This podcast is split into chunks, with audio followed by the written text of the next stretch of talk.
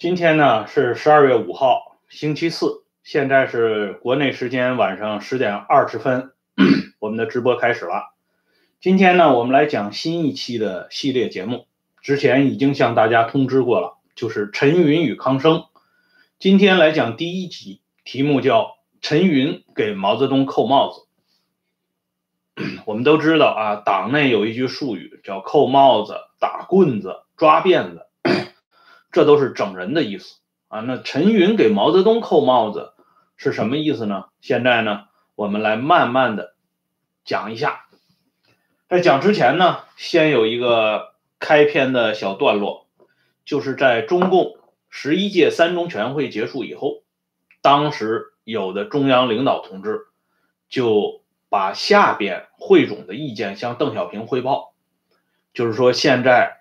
很多老同志提出来要彻底解决一下柯庆施的问题，就是想把柯庆施呢也纳入到审查对象当中。这样一来，柯庆施不免就要身败名裂。但是当时邓小平呢对这个问题的提问是什么呢？回答是什么呢？邓小平对胡耀邦讲啊，因为胡耀邦专门向邓小平汇报这个事儿，邓小平说的原话是。现在顾不上这个问题，先审查康生、谢福治的问题，柯庆施的问题以后再解决。啊，这是邓小平的原话。这个原话的出处呢，是在陈丕显的儿子陈小金的《我的文革岁月回忆录》当中出现的。我们都知道啊，在柯庆师的系列里边，我已经给大家讲了，邓之所以最后不愿意清算科庆师，其中一个原因就是科庆师追悼会。是由邓小平来自悼词的啊！如果柯庆师一旦被纳入审查的行列当中，这个悼词呢，自然也要被撤销。那邓小平当年的身影呢，就不复存在，这是一个原因。之所以提出谢福治和康生，实际上这也是高层邓陈两个巨头之间达成的默契。谢福治是邓小平的冤家。啊，邓小平完全没想到，这么一个曾经跟随他很久的老部下，在文化大革命开始之际，居然呢就敢当着这么多人的面对邓进行疯狂的撕咬，所以邓对这一幕呢始终难忘。清算谢福治是邓小平提出来的，那么清算康生呢，就是陈云提出来的。啊，陈云当然他不光是他自己这方面，他也顺应了一部分。这些官僚体系当中的重要成员的啊意思，所以呢，陈云这个人在很多时候，他起的这种推波助澜的作用，往往是恰到好处的，而自己的身形呢，呃，总是隐身到后边，寻常看不见，偶尔露峥嵘。那么，陈云和康生这么一对儿曾经并肩作战的战友，可以说是一个战壕里边共同奋斗过的同志。为什么最后成了冤家对头呢？这一切的话题都要从一九三七年十二月陈云到达延安的那一幕说起。这就是今天我们要讲的陈云给毛泽东扣帽子啊！一九三七年十一月二十九号，三十二岁的陈云搭乘王明、康生从苏联回国的飞机到达延安。当时陕北已经非常冷了。毛泽东等中共中央领导人冒着寒风到机场迎接，这个迎接的阵容非常强大。陈云的秘书刘家栋，这个晚年写过一个回忆录。陈云在延安，刘家栋在延安时期做过陈云的秘书。后来呢，因为陈云的关系，刘家栋得以在中共中央组织部副部长（括号正部长级）的这个位置上退休。享受的待遇呢，自然也很高。刘家栋也出现在欢迎王明、康生、陈云的队伍当中。他到晚年对这件事情呢还有印象。毛泽东大声的喊道：“啊，天兵天将来了！”这就是形容王明、陈云、康生这些人给这个党增添了无穷的力量，让这个党呢是如虎添翼。啊，因为到机场的人特别多啊，陈云、康生、王明这三个人呢，除了康生这个人个头还挺高的，剩下陈云和王明个头都比较矮，身高不高。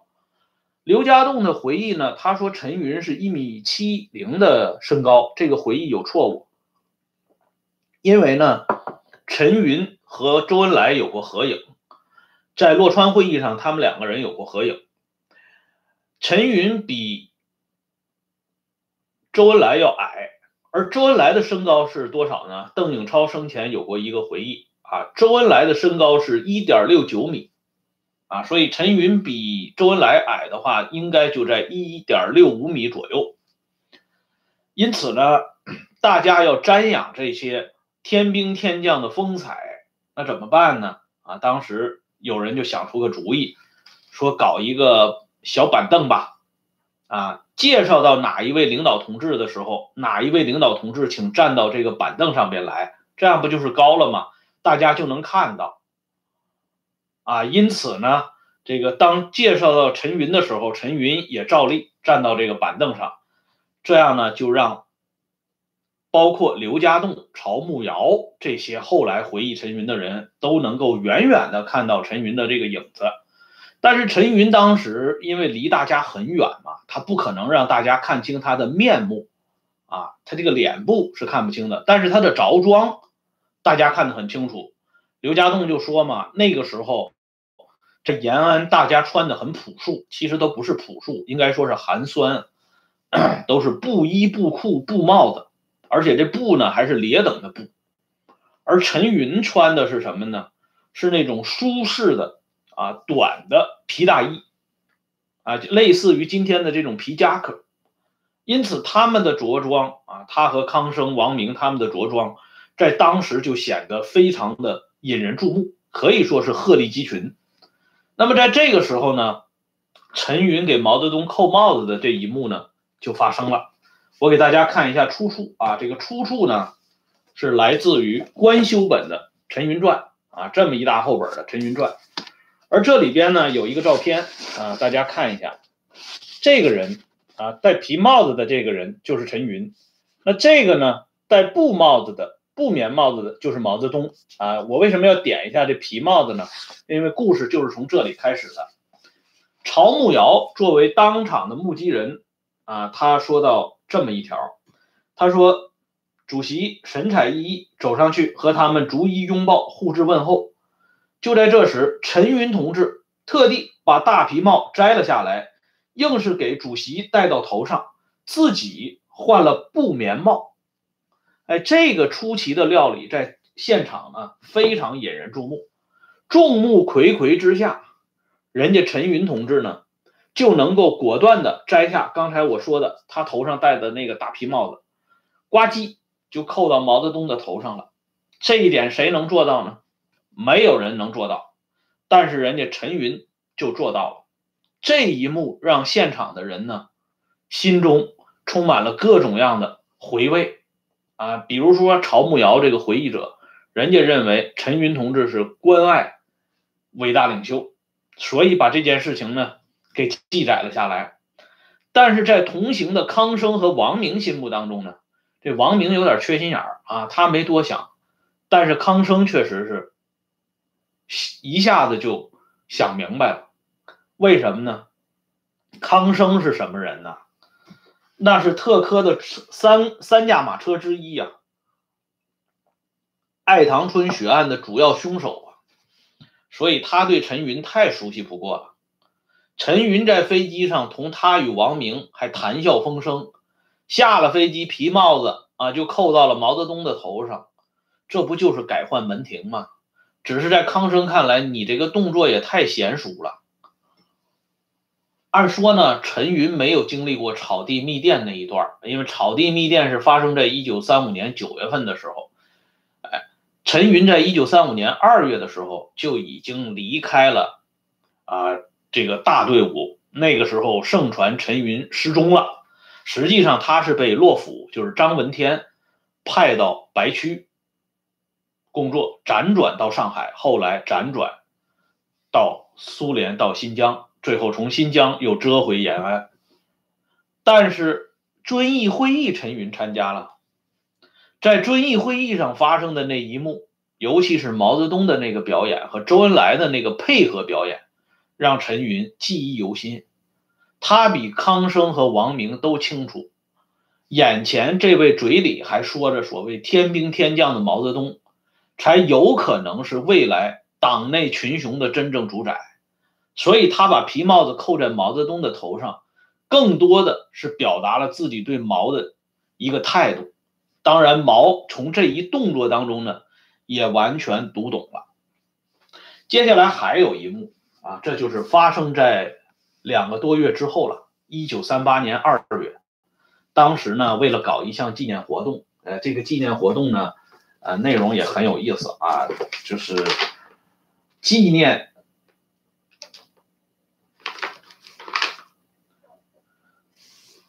应该说。纪念活动还不够准确啊，应该说是连纪念活动再加上欢迎新客人啊，欢迎谁呢？欢迎诗人萧山从苏联远道归来。萧山我都说过嘛，他是毛泽东的密友萧子章的弟弟，亲弟弟啊，在江青的系列里边提到这个人物。诗人萧三回到延安，毛泽东专门啊。请这个萧三呢在一起坐一坐啊，这样呢，张闻天、陈云这些领导人呢，也都出现在窑洞当中啊。现场呢，甚至还有后来的邓小平啊，就是第二代领导集体核心和第一代领导集体核心都出现在欢迎萧山的现场上。因为那个时候呢很困难，所以现场有两个物件。引起大家的关注，啊，这诗人萧三晚年回忆也就回忆到这两个部物件一个呢是陈云他特制的这种小口的啊茶缸子，这种东西呢在当时是不多见的。再一个呢是毛泽东拿来的红锡包的香烟，就这么一包，啊，物质匮乏。只有这毛泽东这个级别的首长还能拿到红锡包的香烟，所以陈云用小口的羊池缸子给大家倒水喝，毛泽东呢就给在座每一个领导，特别是包括客人萧三在内，一人递上一支香烟，就这么一个过程。要知道那个时候大家能抽到这种红细胞的香烟不容易，你看邓小平那都是著名的炮筒子。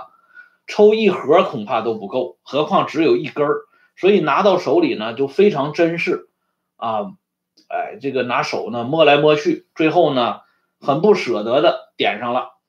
可是毛泽东把这个烟呢挨个的散完以后，这发现呢空了，这香烟呢这烟盒空了，自己呀居然一根都没有。这个时候呢，萧三一看，因为他跟毛很熟嘛。萧三说：“算了，主席啊，我这根烟我就不抽了，我给你，你抽吧。”啊，毛泽东说：“那不行，你是客人嘛，你一定要抽。”然后这个时候，毛泽东就调了一句古词啊，他说：“我将起朱欺林，起朱欺林，这是一句这个古文，就是说我要跟大家啊告代啊，希望谁能匀给我一根烟。”可是现场上呢，没有一个人给毛泽东。这支烟啊，大家都不吱声，因为这烟来的本身也不容易。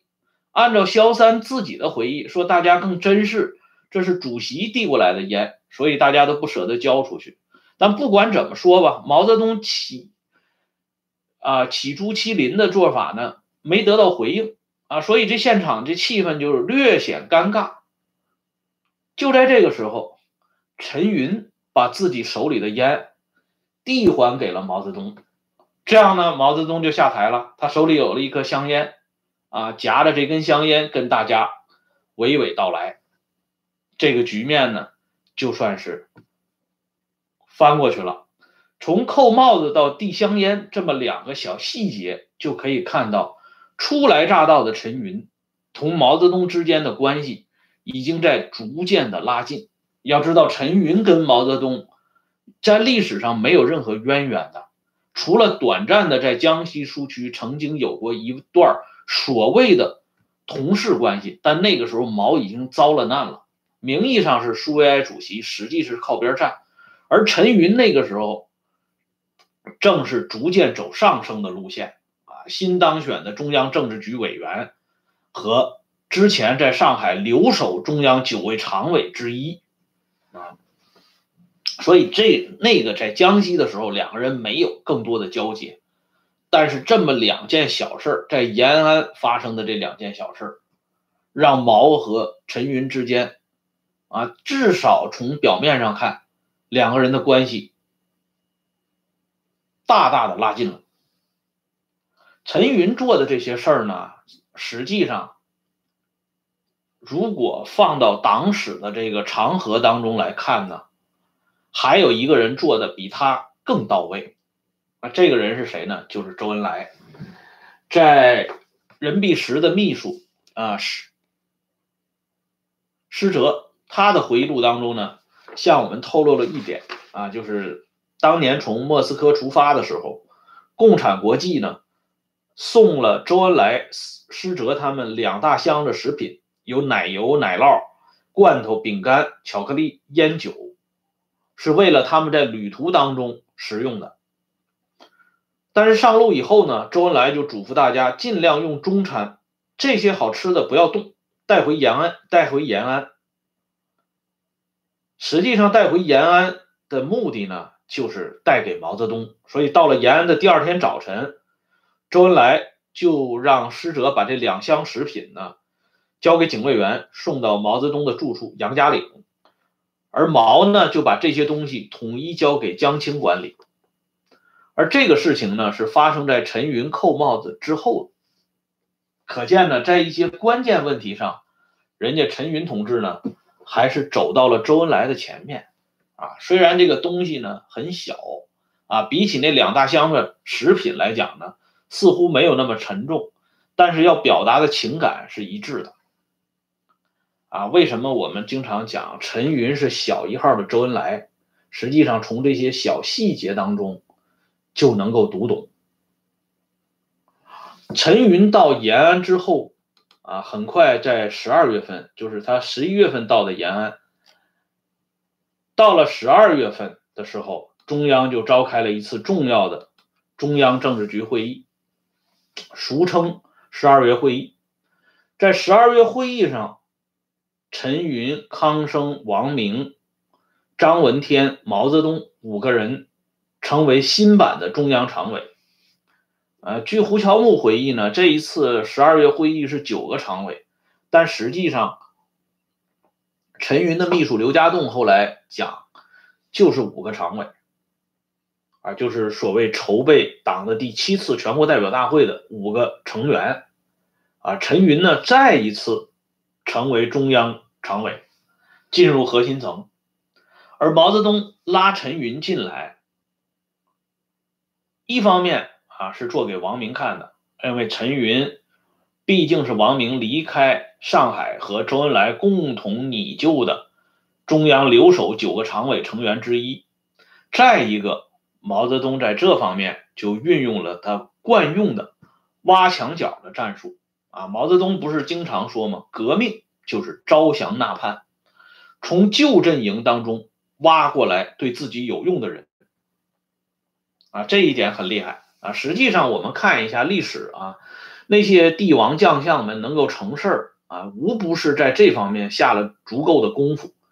比如说，我们大家熟知的汉高祖刘邦，他所谓的汉三杰，萧何、张良、韩信，其中最关键作用的这个韩信，就是从项羽那儿挖来的。而最后行使离间计，让项羽和他的亚父范增。之间关系分崩离析的陈平，也是从项羽手下挖过来的，所以这挖墙脚是很厉害的。毛泽东初到延安，他的井冈山嫡系人马已经是七零八落了，所以面对党内群雄，如何能够把这人头摆弄得更清楚，那全要靠旧阵营里边的这些骨干。因此呢，他首先就看中了这个陈云。而陈云呢，也很快接接过了毛伸过来的橄榄枝，两个人的合作就从一九三七年十二月会议开始了，呼应的非常好。所以你看，毛泽东为什么能够一统江湖，就是跟他这套手法有直接的关系。后来康生，我们这个节目的另一个主人公康生，也是从王明阵营下被毛泽东挖到手里的，而且康生充当两次最大规模肃反运动的主角之一。啊，延安整风和文化大革命，所以毛泽东的这个挖墙脚战术那是很厉害的。这个人如果这一套东西不是炉火纯青的话，他不可能在党内横行霸道长达四十多年，这是他的长处啊，就所谓权力斗争的长处。因此，到了这些年啊，公开纪念毛泽东的时候，大家会发现毛泽东的头衔里边多了。一个成语，那就是炉火纯青，说毛有炉火纯青的这个政治啊艺术，指的就是这方面。陈云到毛泽东这边来干什么呢？就是接替博古。博古原来担任中央组织部部长，啊，我们都知道中央组织部是掌握人事大权的，虽然在戎马孔偬之际，这个人事权无法得以全面的实施施展。但是这个位置太关键了，因此毛泽东不准备再继续让博古干下去了。这样呢，就借口博古要跟着王明、周恩来到白区去搞统一战线啊，因为跟国民党要合作了嘛，啊，要派代表去嘛。我们都知道那个长江局嘛，所以有这这个借口以后呢，顺势把博古从中央组织部部长的位置上拉了下来。而这个中央组织部部长交给谁呢？就交给这个给自己扣上大皮帽子的陈云，由陈云出任中央组织部部长。陈云担任中央组织部部长，从一九三八年一月份算起，到一九四四年，长达六年。但实际上呢，陈云失宠的时间是在一九四三年三月，也就是说。他整整干了五年多的中央组织部部长，这段经历呢，给陈云积累了丰厚的人气资源啊。我们今天不是讲移动互联网时代讲究的就是个流量吗？哎，陈云的流量就是从他担任中央组织部部长的时候积累下来的，到了晚年呢，就是大放异彩啊。所以邓小平都要让陈云三分。啊，陈云同志说了什么什么，那在邓小平文选里边都是随处可见的。啊，陈云的势力呢，就是在这个时候建立起来的。陈云这个人呢，应该说，他这个人的特点，啊，一个呢是这个人很念旧，啊，这是一切啊政治集团当家的都必须具备的气质，就是凡是跟过陈云的人。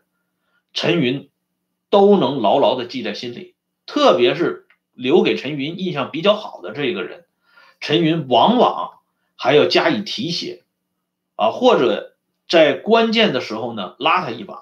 比如说刚才我们讲到的陈云的这个秘书刘家栋，他后来呢被毛泽东扫地出门啊，把他从陈云身边赶跑，下放到下边县里。抢救运动的时候呢，刘家栋也受到波及。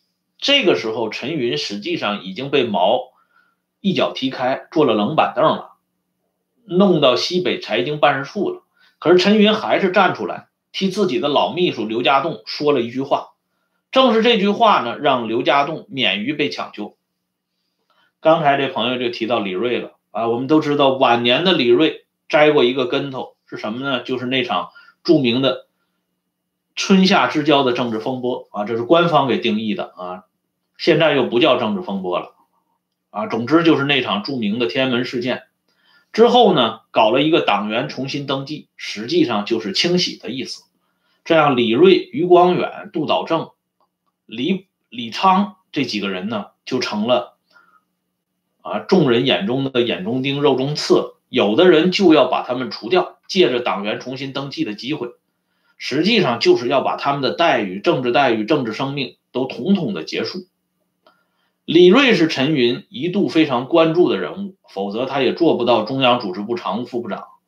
而到了这个时候呢，按照一般道理来讲，啊，李瑞是得罪过陈云的人，而且在政治上又犯了这么一个所谓的严重错误，陈云完全可以不闻不问。